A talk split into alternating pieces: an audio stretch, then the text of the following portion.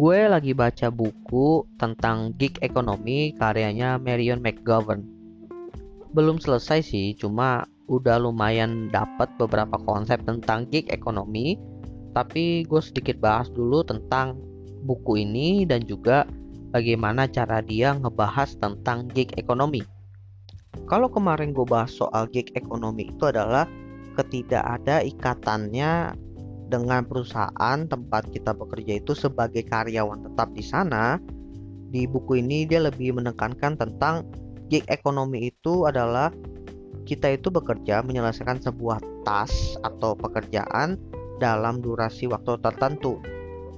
Meskipun di buku ini nggak menjelaskan lebih lanjut tentang ketidak ada ikatannya sebagai karyawan di sana, tapi ada dijelasin bahwa penyebab perusahaan itu memiliki ekonomi itu salah satunya agar tidak memberikan kompensasi. Bukan karena tidak mau ya, karena beberapa perusahaan memang tidak mampu untuk memberikan kompensasi sebagai karyawan tetap di sana. Makanya mereka itu meng-hire uh, semacam orang-orang yang bekerja di gig ekonomi ini.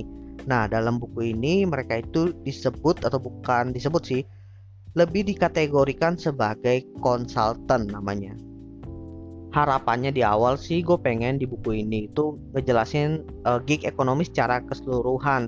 Di mana dia ngejelasin juga dengan dari sisi freelance juga dari sisi yang lain. Tapi ternyata dia lebih fokus kepada konsultannya. Atau ya bisa dibilang kontraktornya lah. Yang menarik dari buku ini adalah dia itu pendekatannya itu dari sisi konsultan untuk kebutuhan perusahaan which is benar-benar korporat banget isinya dia ngebahas bagaimana perusahaan itu membutuhkan uh, orang yang bisa menyelesaikan pekerjaan di perusahaan tersebut tanpa di hire sebagai karyawan tetap. Alasannya disebutin nih kenapa dia nggak bisa nge-hire. Lalu kira-kira kalau mau hire itu seperti apa? Dan ternyata banyak nih pilihan di gig ekonomi itu yang awalnya gue kira cuma konsultan. Lalu kebanyakan konsultan atau kontraktornya yang dibahas di sini asalnya itu dari perusahaan Lalu dari sisi konsultan yang dibahas di sini juga ternyata bukan konsultan individu ya. Dia ngebahasnya konsultan dalam bentuk korporat juga. Jadi hubungan di sini adalah korporat dengan korporat. Jadi perusahaan konsultan ini dia itu nge-hire orang-orang yang memiliki talent yang dibutuhkan oleh perusahaan lain, kemudian dipekerjakan di sana. Dan ternyata bentuknya itu lumayan banyak. Ada yang sistemnya itu kayak human resource-nya gitu, ada yang sistemnya itu kayak platform based lalu ada juga yang sifatnya benar-benar kayak project based consultant kayak IT solution gitulah.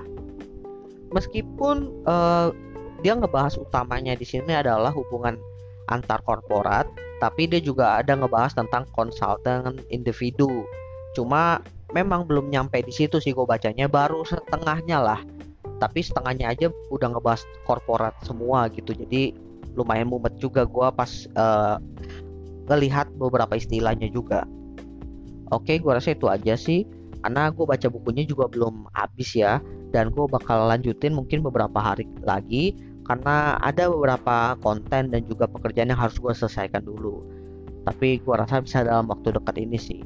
So stay tune ya teman-teman untuk lanjutannya dan ditunggu lagi untuk pembahasan yang lainnya. Karena gue rasa untuk gig ekonomi ini gue bakalan cari referensi dari buku yang lain.